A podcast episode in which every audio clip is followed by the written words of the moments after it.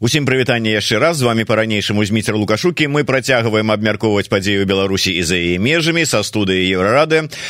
Ну і з намі на сувязі першы раз у гэтым годзе. І спадзяюся што не толькі што не паслі не апошні але і штотыднёва будзем вяртацца да нашага графіку такога. З намі наша палітычная аглядальніца гісторык роза турарбекова. Добрый день спадарня роза.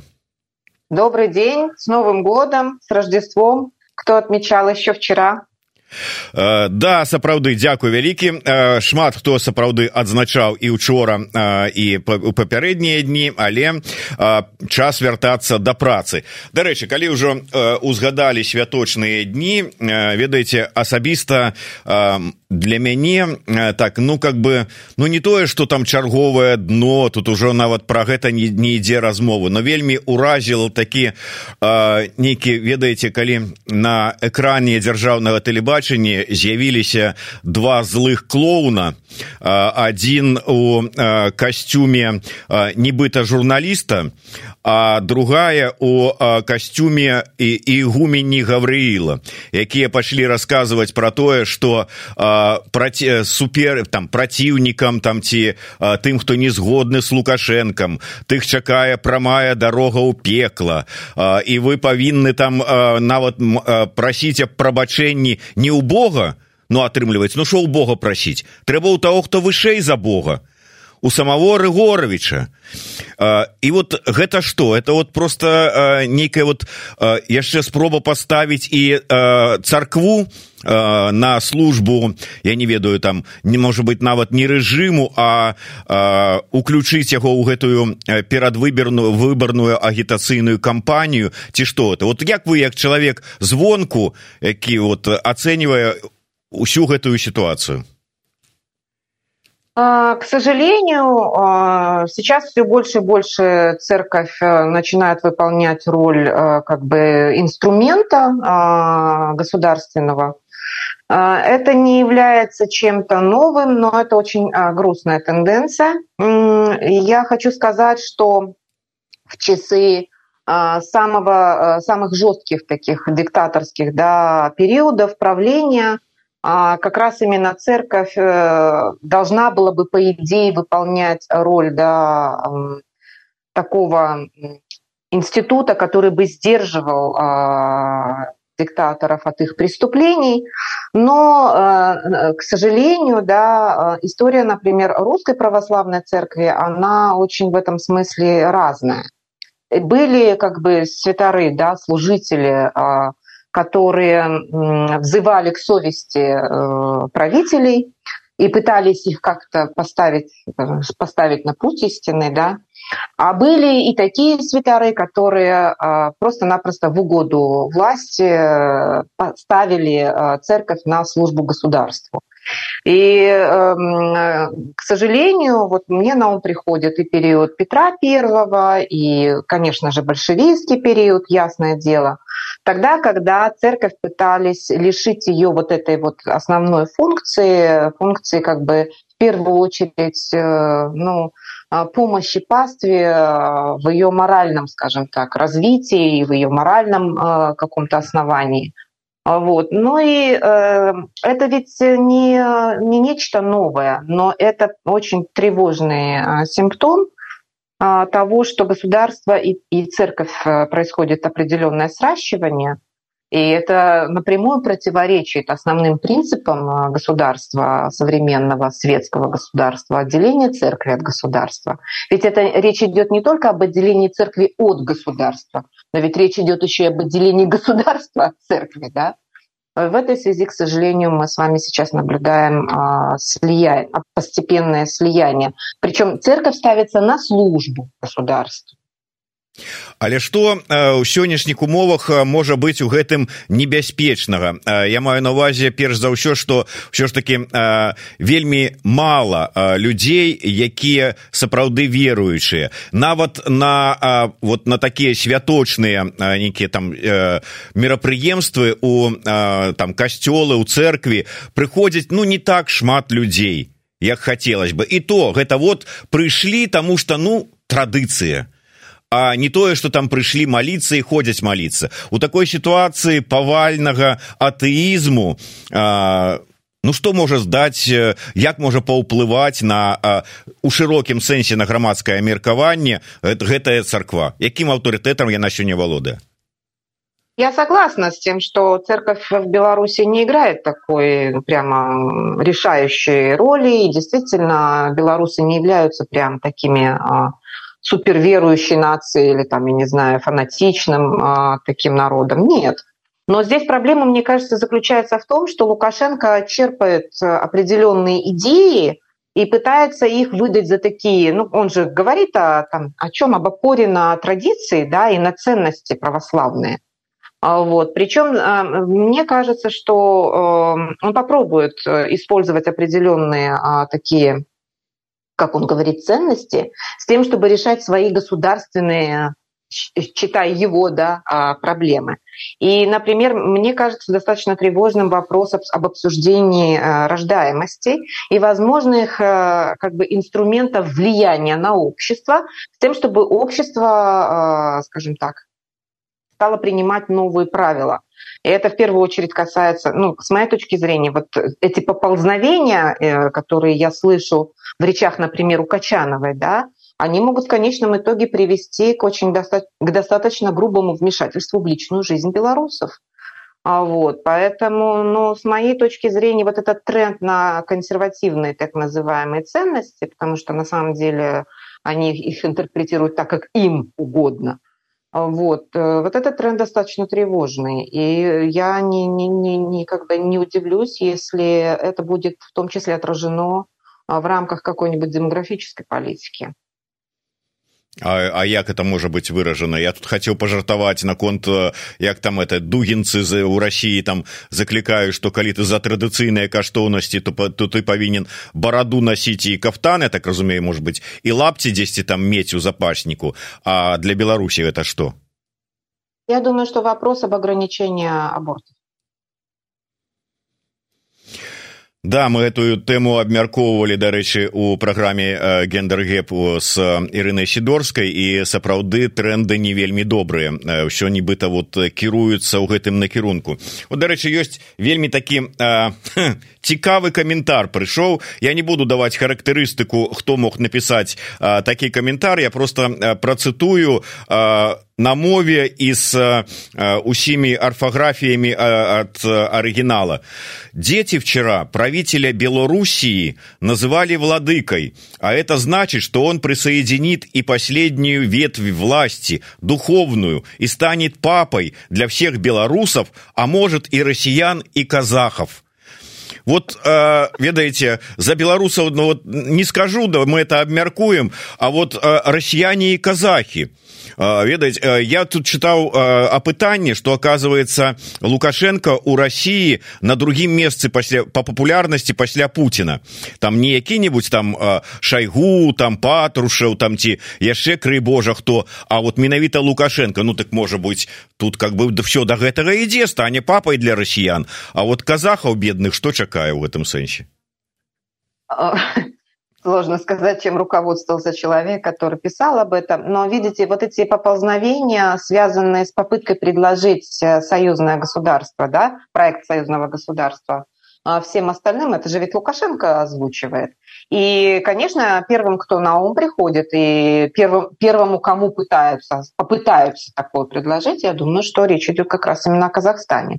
Ну, конечно, вот этот вот э, забавный комментарий, который вы сейчас прочитали, ну, он, понятное дело, достаточно смешно звучит, но в целом э, вот э, то, о чем э, в последнее время говорится, что а, это принятие закона да, об, упрощении, об, упрощенной, об упрощенной процедуре, извините меня, принятия да, а, в гражданство, а, вот, которое распространяется в первую очередь на украинцев и белорусов.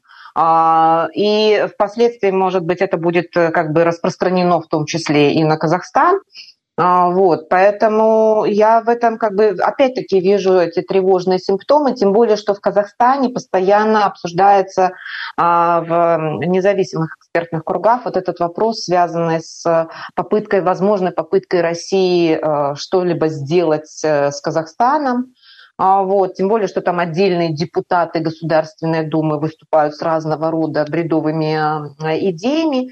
И в общем и целом, конечно, это не очень хорошая тенденция, потому что Казахстан достаточно уязвим, а, граница большая, достаточно значительное русское меньшинство, уже не говоря о том, что даже казахское общество, часть казахского общества находится под сильным информационным влиянием со стороны кремлевских а, пропагандистов, медиа.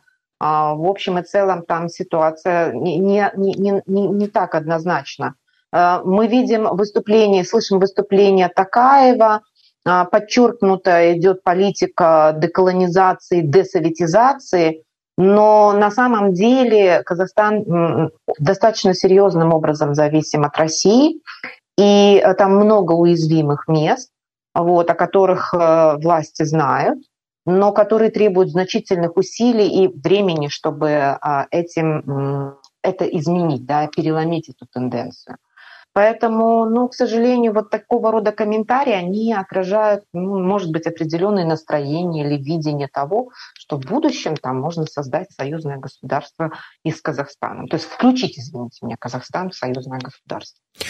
мы з вами раней говорили про ўсё ж таки цікавасць у гэтым рэгіёне якую там і тое што робіць у гэтым рэгіёне Кітай вот Китай ніякім чынам не будзе рэагаваць на тое что яго інтарэсы могуць у гэтым сэнсе у гэтым рэгіёне нейкім асо адсоўвацца ў бок Знаете, в свое время Китай ведь и создал Шанхайскую организацию сотрудничества с тем, чтобы установить статус-кво такой да, между Россией и Китаем на влияние на Центральную Азию.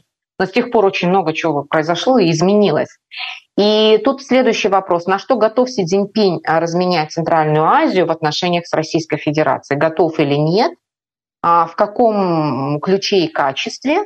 А, и эм, Китай обладает влиянием в Центральной Азии, но он не обладает влиянием на низовом уровне, я имею в виду на уровне общества. В Казахстане, например, как и в других странах Центральной Азии, мало людей, которые говорят по-китайски, да, и воспринимают китайскую пропаганду.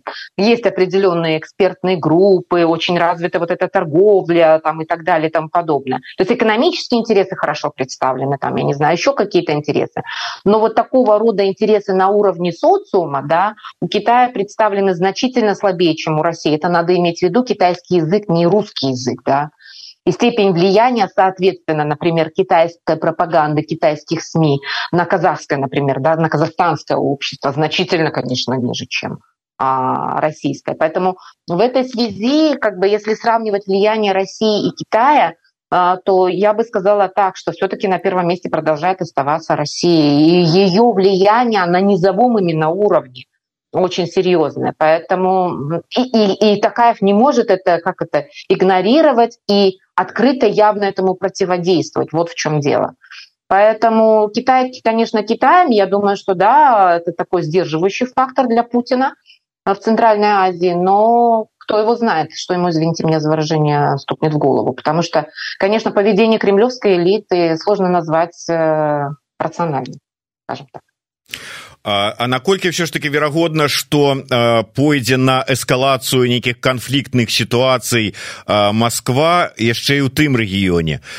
Что показывае сітуацыя? Ўжо больш-менш аправілась эканоміка ВПК расійская і яны ўжо здольныя на нейкія эскалацыі в іншых рэгіёнах а, ну, по крайней мере, экономика в России, я не экономист, сложно мне оценивать, но, по крайней мере, я так вижу, что российская экономика э, стала уже экономикой войны, да, то есть военная экономика, милитаризация произошла. И вот эта милитаризация, вопрос, э, это интересы тех групп, которые заинтересованы в развитии этой милитаризации экономики. Чем закончится да, военная а, война в Украине – и потом куда дева, деваются все эти люди, заинтересованные в том, чтобы эта экономика продолжала развиваться именно в этом ключе. Это первое. Второе, куда деть, извините меня за выражение, такое количество людей, которые воевали, и представьте себе, они демобилизуются и возвращаются назад в Россию. Что делать с ними? Продолжать ли войну где-нибудь в другом месте, например, и туда их отправлять, да, либо как бы э, все-таки принимать более здравомыслящие решения, затевать реформу, преобразование там, и так далее и тому подобное. Но это все зависит от того качества руководства, которое будет находиться в Кремле. И э, в этой связи, вот, ну, с моей точки зрения, вот, как бы самым, одним из самых удачных примеров того, как Россия перестраивалась после провала в войне, это была как раз именно Крымская война.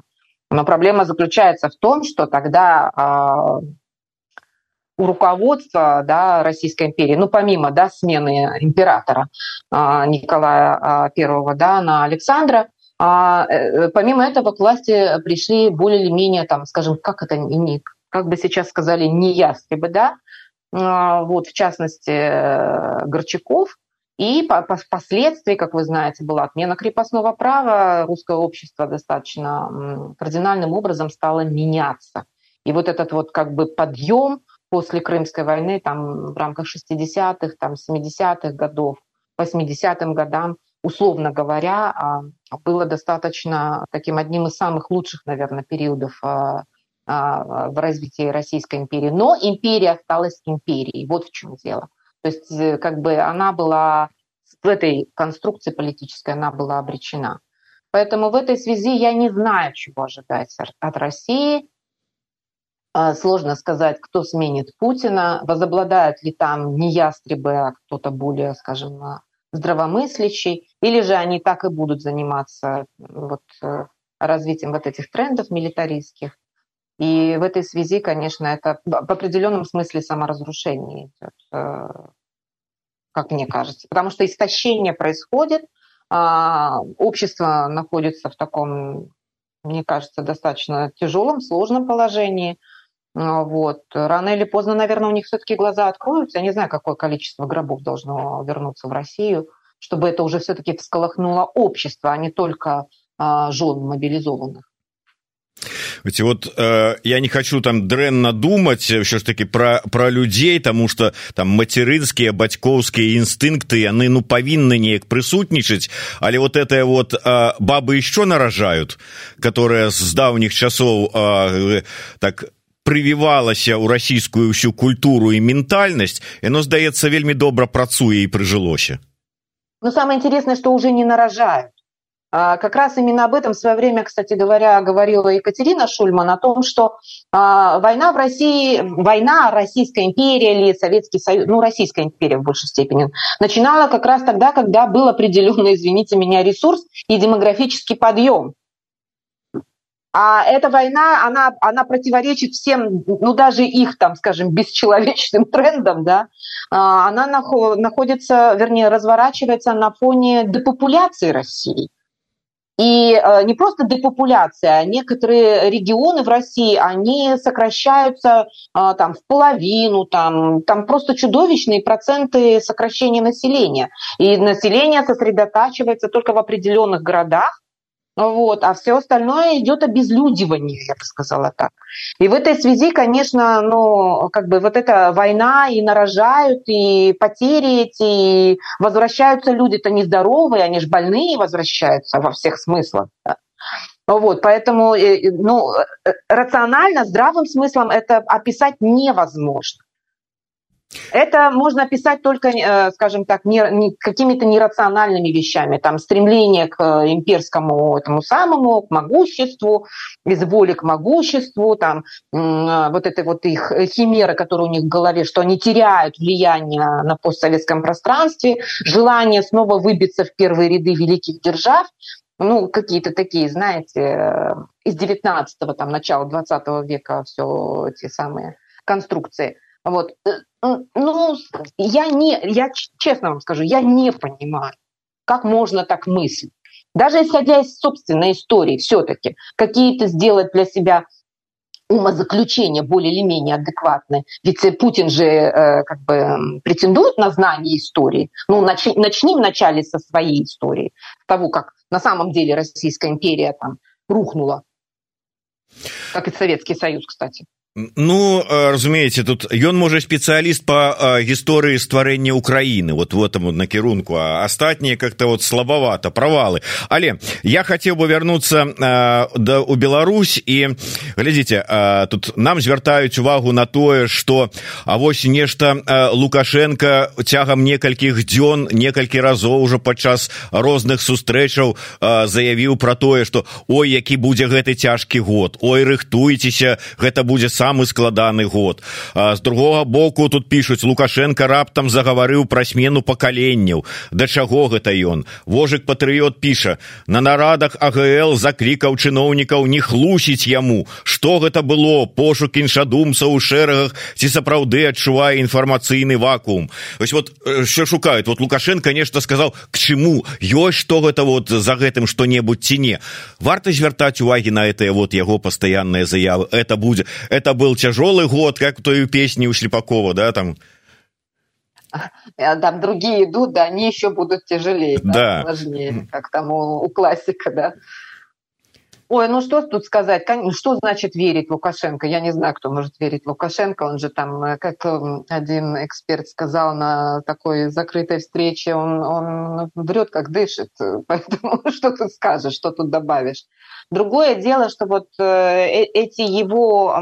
Он же воспроизводит постоянно одни и те же вот эти вот популистские вещи, да, что там э, ему врут, ему мешают, а, а на самом деле как бы он не в курсе, да, там царь-батюшка добрый, да, или там еще что-то в этом роде. Но это старый такой популистский прием, рассчитанный на очень малограмотных людей, но, к сожалению, может быть, иногда и на, на ком-то срабатывает, сложно сказать, на ком срабатывает. А, вот. А, дело в том, что он не знает, что говорить. Он, он, он, он исчерпал себя. Он повторяется это, я не знаю по какому кругу, и он ничего нового он придумать не может. Он не может предложить людям новое видение будущего. Вот в чем дело. То есть то, о чем мы с вами всегда говорили, э, уже, может быть, даже и год тому назад, у него нет видения будущего. У него нет представления о том, куда идти. Поэтому все, что он может, он может воспроизводить то, что он всегда и воспроизводил. Да? О том, что впереди тяжелые времена, но благодаря ему, естественно, все пере, они переживут, что как бы если кто виноват, то виноваты там, я не знаю, чиновники, которые ему врут.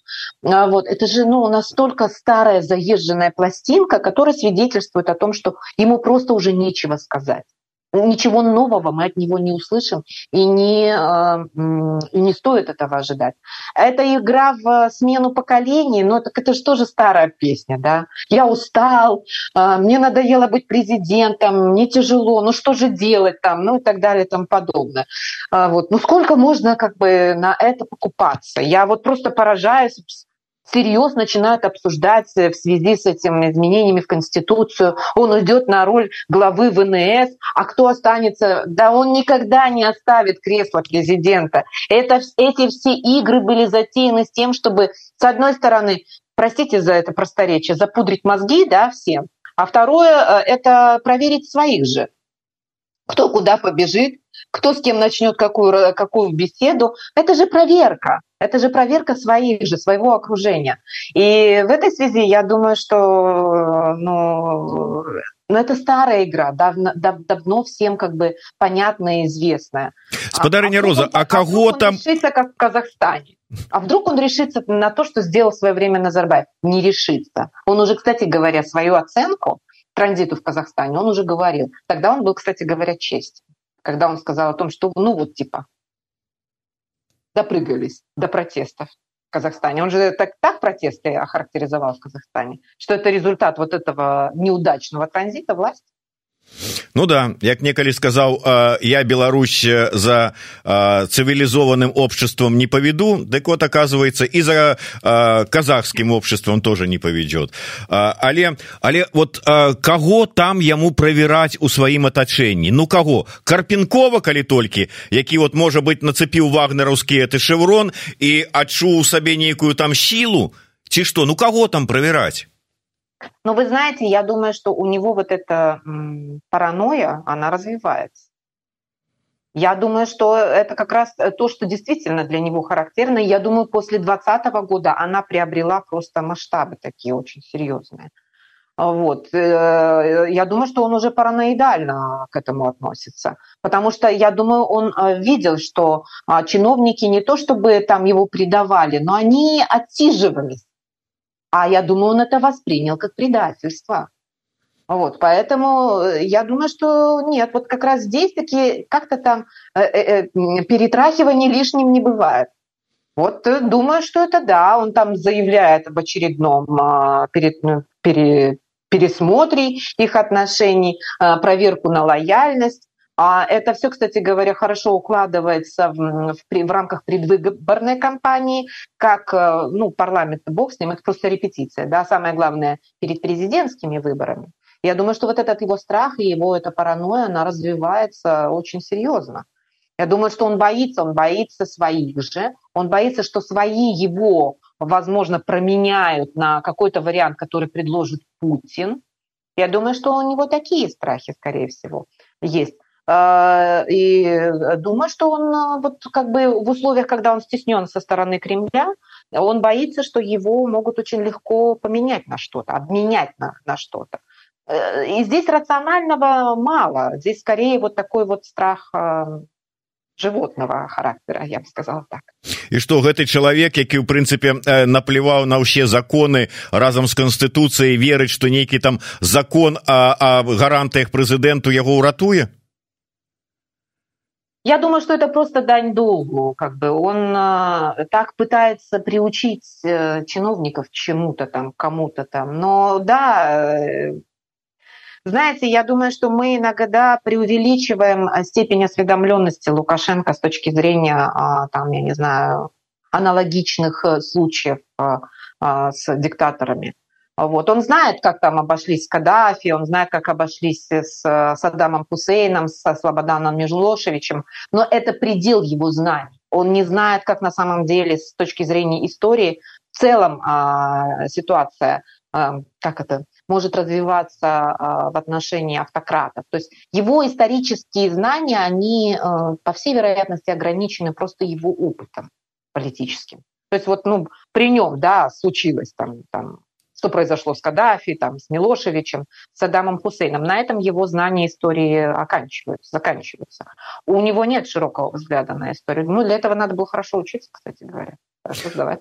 Ну да відаць ён не ведае что як это жартавалі але ў кожным жарце яська як кажуць ёсць частка жарту что мілошавіч таксама выдаваў закон что яго нельга расстрэльваць каля салдацкага туалета ну вот как-то вот не спрацаваў ну не ведае а, давайте можа быть да дарэчы спадарня роза вы ўжо сябе адчулі там у літве пятай калонай ну я все время себе так чувствую где бы я бы ни была, я себя чувствую пятой колонны, а, вот, потому что, ну, не вписываюсь я, не вписываюсь в рамки какие-то, но здесь я еще, помимо всего прочего, белорусский гражданин.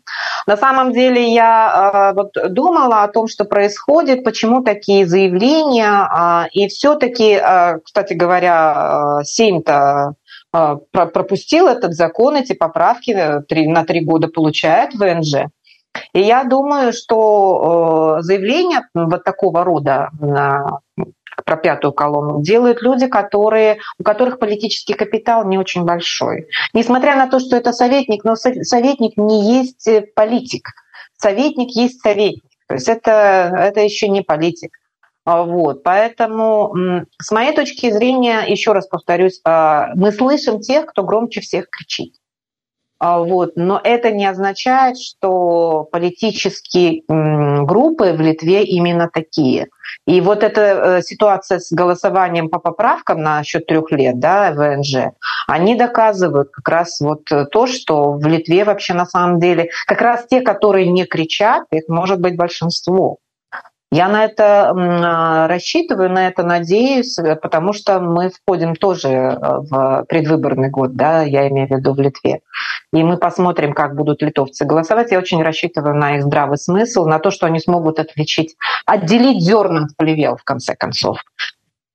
на этом пожалуй я поставлю точку ну так адзінае что вот я б хотел просто зрабіць такую заўвагу что одна справа калі э, выступаюць палітыкі то гэта наказаць ну кто-то можа быть выбарчы год там на, на зарабляе сабе балы там аўтарытэты гэтак далей на розных скандалах папулізме але дарацца прэзідэнта ну часам кажу что тое что прэзідэнт это не можа сказаць сам з нейкіх там нагодаў то гэта агучвае ну той же самы дарацца.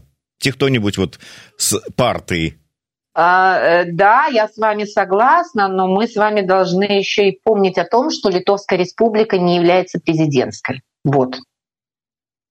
А, и Науседа, э, я не буду как бы ничего ему плохого желать, но ему проходить через выборы. Вот и посмотрим.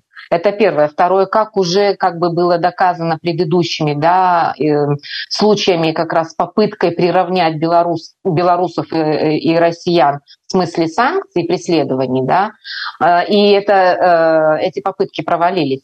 А, Все это показывает, что все-таки власть Сейма, власть парламента, она гораздо сильнее и важнее в Литве, нежели чем власть президента. Поэтому именно исходя из этого я делаю такое умозаключение, что все-таки большинство, по крайней мере, в парламенте, я имею в виду в Сейме, да, оно, в общем, меняемое, адекватное, оно на нашей стороне. Ну, может, оно не кричит на каждом углу об этом, не знаю. Вот, но голосование доказывает как раз именно это. Но, знаете, э, то есть я не пытаюсь успокоить, да, или как бы там какие-то розовые очки одела и все, и вижу только хорошее. Нет, но я просто еще раз анализирую, анализирую, и вот эта вот ситуация с этими поправками на три года в ВНЖ как раз меня убедили в том, что вот ситуация такая. Но а, есть люди, которые пытаются на таргетировании белорусов выстроить свою предвыборную кампанию. Вот это я вижу, да. И если это найдет отклик э, в части какого-то литовского общества, конечно, это очень нехорошо. Но я еще раз надеюсь на здравый смысл литовцев, на здравый смысл литовских граждан. Очень. Вот эта история, знаете, с этими школами, русскими школами, ну, да, русскоязычными да. школами в Вильнюсе, там, где, в общем, достаточно много белорусских детей, как вы знаете, потому что белорусская гимназия только одна, все, все не поместятся в нее, понимаете? Вот. И вот эта история связана с, э, и со стрельбой, и вдруг заявление через какое-то время там, министра да, образования. А в литовском обществе внутри уже дается им отпор по этому поводу. В частности, там один из там, ректор или проректор а, университета Рёмерис, да, это один из э, крупнейших университетов в Литве, а, обратила внимание на то, что это вообще провокация на самом деле. И я согласна с этим. Я не за то, чтобы, как бы, я не за русский мир в Литве, уж точно, но как бы такие достаточно безответственные заявления со стороны министра образования, с моей точки зрения, являются провокационными. И э, э, это я сейчас говорю даже не свои слова, а я повторяю слова проректора университета Рёмелис. Это к вопросу о том, что вообще в Литве э, нормальных, здравомыслящих, европейски мыслящих людей в рамках европейского права их гораздо больше, чем мы можем себе это представить. Просто они не привыкли кричать на каждого. Вы же знаете, крикуны, кто это, как правило. Ну да і у нашым асяродку таксама мы ведаем хто больш за ўсіх крычыць да гэтага мы можа быть вернемся яшчэ я б хацеў зараз яшчэ працягнуць на тэму унутры беларускай сітуацыі такая образна э, вельмі так э, цікавую думку выказаў сёння у нас в эфиры э, аркадий мошас калі мы з ім размаўлялі про тое что ну ці магчымы там нейкія ўсё ж таки змены унутры вот этого самого лукашэнкаўскага режима там может быть там э, ну умоўна там транзіты не транзіты а вот знаешь смена крэсла аднаго на другога. І ён кажа что э, калі там э, і магчымы якія-небудзь змены э, то э, лукашенко свои сінія пальцы пальцы якімі трымаецца за крэсла пафарбуе ў чырвоны колер. Вот і ўсё што зменіцца. Так вот чырвоны колер пальца ў лукашэнкі мне выклікае асацыяцыю з рэпрэсіямі якія працягваюцца беларусі. Вось гэтая сітуацыя з затрыманнем музыкаў гурта нізкіс увогуле тое што адбываецца пытанне чарговае которое я вам не один раз уже задаваў але ўсё ж таки ну куды можна працягваць? Здаецца ўсё зачышчанае. Вот які сэнс? Вот вы бачыце сэнс у працягу гэтых рэпрэсій? Да смысл один. Смысл в том, чтобы поддерживать этот градус страха в обществе, не снижать его. А, я не знаю, отдает он себе отчет в этом или нет. Мне сложно сказать, в голову залезть не могу, но факт остается фактом. Он должен понимать, что не все те люди, которые выходили на улицы, не все они уехали. Я думаю, что это ему не дает покоя, это не дает ему спать.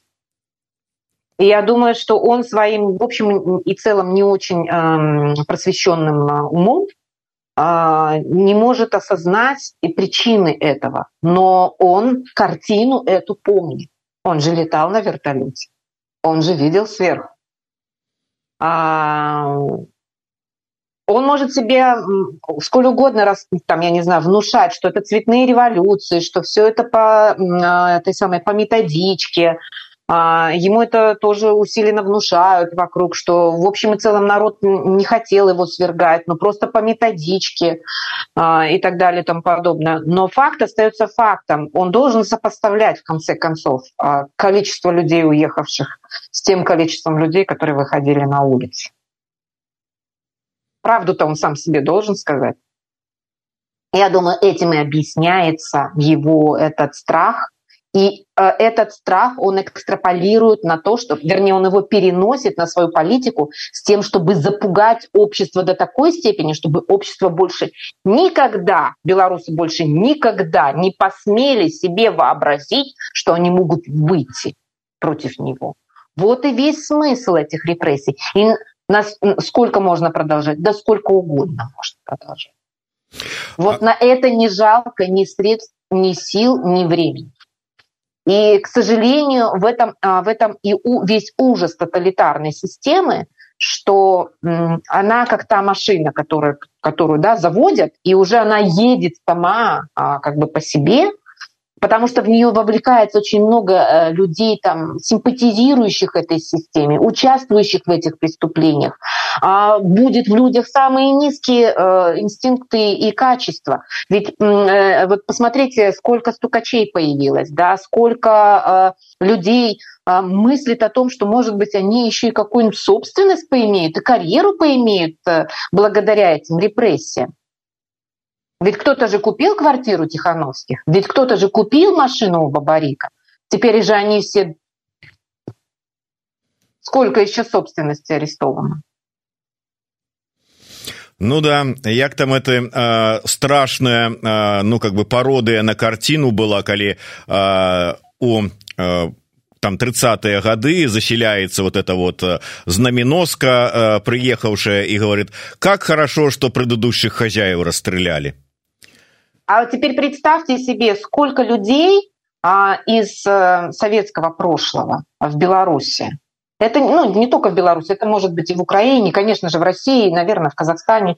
Но сколько людей в свое время а, как бы приняли участие в этом, в той или иной форме, голосовали за расстрелы, получали а, квартиры, а, делали карьеру, и так далее и тому подобное. Сами писали доносы с э, желанием как бы э, занять то место, которое занимает тот или иной человек. А в общем и целом, я думаю, что благодаря этому еще и тоталитарная система держалась, потому что в нее были вовлечены, в ней, от нее не только страдали, то есть не только жертвы, но и палачи, но не только палачи, но и весь, как говорится, э, этот все это окружение, которое, которых, ну, я не знаю, как их назвать, да, ну, подлецы, и они считают это нормой свое поведение.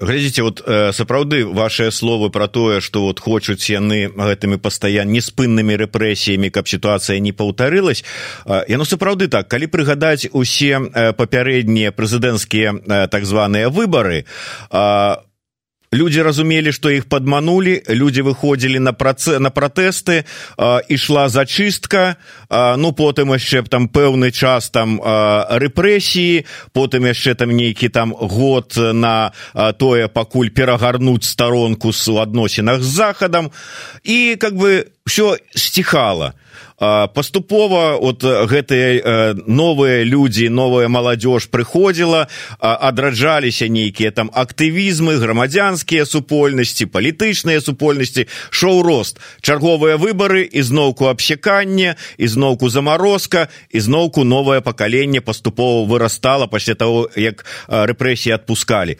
А тут не адпускаюць. І новаму вырасці няма куды то есть атрымліваецца а плюс яшчэ школы вузы узялі под такі тотальны ідэалагічны военны і паліцейскі контроль атрымліваецца что ну как бы у іх можа ўсё скласціся так як яны і хочуць. Не вырасце новае пакаленне якія якое скажа ой да дастала нас мы хочам іншага Да, ну цель такая, по крайней мере, ставится. Я не, не скажу, что э, такое поколение не вырастет, но цель такая ставится. А, они считают, что они упустили молодежь. А, вот. И да, вот э, делают вот такие сейчас, э, проводят такую политику. А попытка вырваться из этого цикла, э, который, да, этот цикл был как будто, как будто заложен да, в этой системе, попытка вырваться за пределы этого цикла могут привести к созданию вот этого скажем так, э, не то чтобы квази-тоталитарного, но такого а, тоталитарного государства, которое, оно должно постоянно за счет чего-то жить, потому что ресурсов а, у Лукашенко на самом деле не очень много. А, вот. Москва не может давать э, постоянно довольно достаточное количество ресурсов. Это первое. Второе, тоталитарная система, в отличие от авторитарной, она все-таки зиждется на идеологии, а идеологии нет. Это не идеология. Вот, ну, как бы любые мои, как бы, и не только мои, об этом еще достаточно давно говорили э, белорусские интеллектуалы о том, что ну, нет у него идеологии, он не может ни на что решиться, он и коммунизм на самом деле до конца не воспринимает. Русский мир, естественно, он не может принять до конца, потому что тогда возникнет вопрос, зачем он нужен. Вот, поэтому идеологии его, у него нет идеологии. Вся его идеология – это я. То есть идеология – это, вся идеология – это вот этот абсолютизм. Да? Государство – это я. Вот, но, э, но и, и это не монархия одновременно. Он не может претендовать на роль монарха. С него монарх э, не очень получается. То есть э, в этой связи я хочу сказать, что это тоталитарно, авторитарно-тоталитарная система или авторитарная система с определенным набором тоталитарных практик, она, как это сказать, имеет свой срок годности. Этот срок годности равен, а, собственно говоря, жизни Лукашенко самого, его а, ну, как бы его конч... с его кончиной а, закончится и а, эта система. Потому что нет идеологии, нет э, других опор, на основе которых это государство продолжит существовать в том виде, в котором его, он его создал. Он является стержнем этого государства. Он на самом деле над, над этим и работал все время. Чтобы без него ничего не работало. Вот. Но и это сыграет против него. Он, в этом смысле он незаменив. Да? И если его не станет, то заменить его будет неким. Это все рухнет. ну э, монарх вы кажаце э, абы што з яго ну вот як э, кажуць что стварыў у беларусі аграхунту аграмонарх ну якая хунта такі монарх извините агрохунта это не агромонархия А монархия на самом деле, а, она должна держаться, как вы знаете, на традиционном обществе, которое не подвергается такой модернизации. Там нет урбанизации, там нет вот этого представления о том, что у граждан должны быть какие-то там, я не знаю, какой-то там голос. Уж тем более не проводятся выборы там, да. Вот. Это, это монархия, да, ну, классическая монархия, скажем так. Традиционное общество, король является отцом э, своих подданных. Это подданные, в первую очередь, у них нет голосов. Они должны все выстроиться вот этими классами и рядами, да, сословия вот эти вот. Но белорусское общество, ну, не сословное. Ну, конечно, квази вот это вот представление о сословиях, может быть, есть там чиновники и все остальные, но с формальной точки зрения это никак и нигде не закрепляется. Поэтому это, это, это все на, на глиняных ногах держится. Эти глиняные ножки, они подломятся вельмі конечно так добра разлічваць что с сыходам лукашэнкі вся гэтая гліняная канструкцыя лясніца. Але ці сапраўды так адбудзецца? Да лукашэнкі не будзе да нешта зменіцца але ці ў нашу карысць зменіцца? Что гэтыя ўсе карпенковы і ўся эта астатняя навалач рускамірская якой зараз там хапае ў беларусі яна что скажа там ой ну все лукашэнкі няма давайте демократизоваться и открывать путь в Европу. Совершенно верно. То есть э, смерть Лукашенко, его уход, а, конец лукашенковской системы не будет означать ни, ни, ни хорошо, ни плохо. Это будет означать только завершение этой части истории белорусской. Вот. А какова будет следующая, следующий период белорусской истории, это другой вопрос. То есть это не означает автоматический приход демократических сил. Вот это правда, это, это верно. И тут вопрос заключается в следующем, что, что на месте останется этих руин и кто быстрее придет, скажем так. То, тут контекст и случай очень много будет играть, к сожалению, да. А, и я не фаталист, да, и историки не должны быть фаталистами, но в данном, вот в этот момент очень много будет играть как раз это, это тот расклад, который сложится к тому времени вокруг, я имею в виду контекст международных отношений, а, очень много будет играть вообще, в принципе, случай даже, понятие вот случай. А, и, и люди, которые останутся на местах, и те люди, которые могут в этот момент, скажем, приехать и э, изменить ситуацию. Это будет колоссальный риск. А, вот, конечно, очень много будет говорить о том, что Россия, вы правы, она не будет выпускать вот так просто так из э, лап а Беларусь. Другое дело, в каком состоянии сама будет Россия. И частью какой сделки, еще большой сделки сверху, да, мы станем. Ну вот э, давайте на завершение все ж таки э, трошку э, международное такое э, что здарылася за гэтыя дні і якія тренды можа быть закладзеныя на наступны год. Заява с аднаго боку прадстаўнікоў белага дома про тое что у тым жа аб'ёме які як была у папярэдніх годах падтрымка украины уже не будзе. Плюс у евросоюзе выборы ў еўрапарламент чаго ад іх чакаць рост нейкіх таких папулійскіх настрояў папулійскіх палітыкаў больш выходзяць з цені левые ізноўку такі вот этыя партыі чаго чакаць якія тренды і ў дачыненні да украины у дачыненні да беларусі Ну, э, в общем и целом, действительно, 24 год, он будет богат на все эти политические э, события. А, и я уже говорила, но здесь повторю, вот э, все-таки выборы в США, они задают тренд, большой тренд. Я надеюсь, что все-таки они, вот и от этого очень много будет э, зависеть. А, и уже мы с вами можем говорить о том, что если там на праймерис выигрывает Дональд Трамп и его допускают на выборы, конечно, а, риск или там шанс для него да, стать президентом достаточно высокий. А, вот. Э, а в зависимости от этого и все остальное. Это получается тренд уже далее на 25, 26, 27, 28 годы да, закладывается. Э, в таких условиях, конечно, скорее всего, Украине а, помощь а, не будет оказываться, или она будет оказываться очень ограничена под очень сильным давлением на администрацию Дональда Трампа. Вот, поэтому тут, конечно, такая не, не очень хорошая тенденция. А что касается Европы, то тут вообще, э, с моей точки зрения, разнонаправленные тенденции, и какую, какая из этих тенденций станет э, главенствующей, крайне сложно сказать.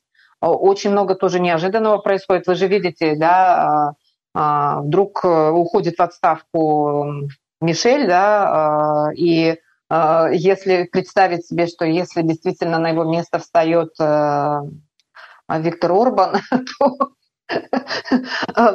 понимая, какая да, политическая программа у Орбана, то есть вообще как бы э, вообразить себе это сложно, но, видите, здесь и такое может случиться. Но, с другой стороны, я лично вижу еще такое э, усиление э, тенденции на понимание того, что Украине Европа должна помогать гораздо больше и массированнее – а, вот, об этом постоянно говорится в первую очередь в странах Северной Европы и в Германии.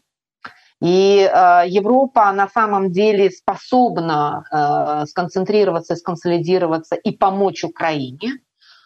Она в первую очередь должна преодолеть свои внутренние вот эти вот проблемы и противоречия, которые возникают э, в связи с э, новыми, э, там, я не знаю, циклами, да, выборными. Поэтому, да, год будет очень неустойчивым. И, мне кажется, богатым на разного рода сюрпризы, сюрпризы не очень приятные и, возможно, даже и приятные. Но, по моему мнению, все-таки европейская политическая элита, да, она попробует все-таки э, увеличить помощь, перестроить свои э, вот эти вот внутренние, да, заложенные внутри, как это сказать, политическую вот эту вот адженду в пользу Украины, потому что для Европы это не праздный вопрос, это не, это не Соединенные Штаты. Они не могут просто так отвернуться и сказать, мы не, не можем вам больше помогать потому что завтра они получат а, завтра они получат, да, как бы вполне возможно, что они получат русскую армию у своей границы. И не просто там у своих границ, не у границ Польши, да, а у границ Германии, например. А вот. И в Германии очень серьезно думают о том, что если они отправляют 2000 человек в Литву, да, и эти 2000 человек вдруг станут э, объектами да, нападений, а, вот, то они должны будут на это реагировать. Это уже будет речь идти об их э, военнос, военнослужащих. Вот. Но это самые, как бы, самые мелкие вещи, о которых я говорю. А на самом деле тренд внутри Европы, он такой. Э, политическая элита сейчас переосмысляет, меняет свои подходы и будет менять. И э, Европа готовится к тому, чтобы Украину включить в состав Европейского Союза. Там будет очень много интересных новых событий, далеко не, не простых, э, вот, но тем не менее э, Европа примет Украину в состав Европейского Союза и будет оказывать э, помощь и поддержку. Тут еще же еще что в Украине в самой будет, кстати говоря. В Украине же тоже надо будет меняться. И в условиях войны. Вот э, сложный будет год, с моей точки зрения. Ну да тым больш что э, як там еще будзе мяняться Ну э, я думаю что мы дарэчы вот магчымасць того что і як э, будзе мяняться ва Украіне і можа быть у адносінах Украины і с беларускім дэмакратычнай супольнасцю мы абмяркуем завтра у нас завтра у гасцях будзе наш добры сябра украінскі палітолог Евген Магда. Так что абмяркуем гэтую ўсю сітуацыю. Ну а наконт прыемных навінаў якія можа нам подкинуть гэты год я нават не ведаю няўжо спраўдзіцца пажаданні вялікай колькасці беларусаў якія яны загадывалі на новы год. Ну вот я вот нават баюся баюся як говорится сурочыць. Але ну я кажу словы спадарыні розы да кому патрэбна ў вушы. Так ну что на жаль нам трэба завершаць а про розныя там непрыемнасці якія нам постоянно подкидывая і, і год і асобныя люди якіх мы а, зараз вырашылі ўсё ж таки гаспадарыняй розай не называть і не ўзгадывать але мы гэтую сітуацыю абмяркуем с валерыем кавалеўскім які зараз будзе у нас у эфиры і а, сам ли выклікаваўся усе гэтыя непрыемныя тэндэнцыі размовы кіды і все астатніе абмеркаваць і пракаментаваць. Таму дзякую вялікі спадар гаспадарыня роза. Подписывайтесь на телеграм-канал розы турарбекавай і не забывайте подписываться на youtube канал еврорады калі для вас гэта бяспечна тому что як показывая не сціхаючыя рэпрэсіі все ж таки бяспека павінна быць на першым месцы а ўжо лайки прагляды на другім хотя і гэта таксама важно. Дзякуй вялікі спадарыня роза. Жыве Беларусь. Жыве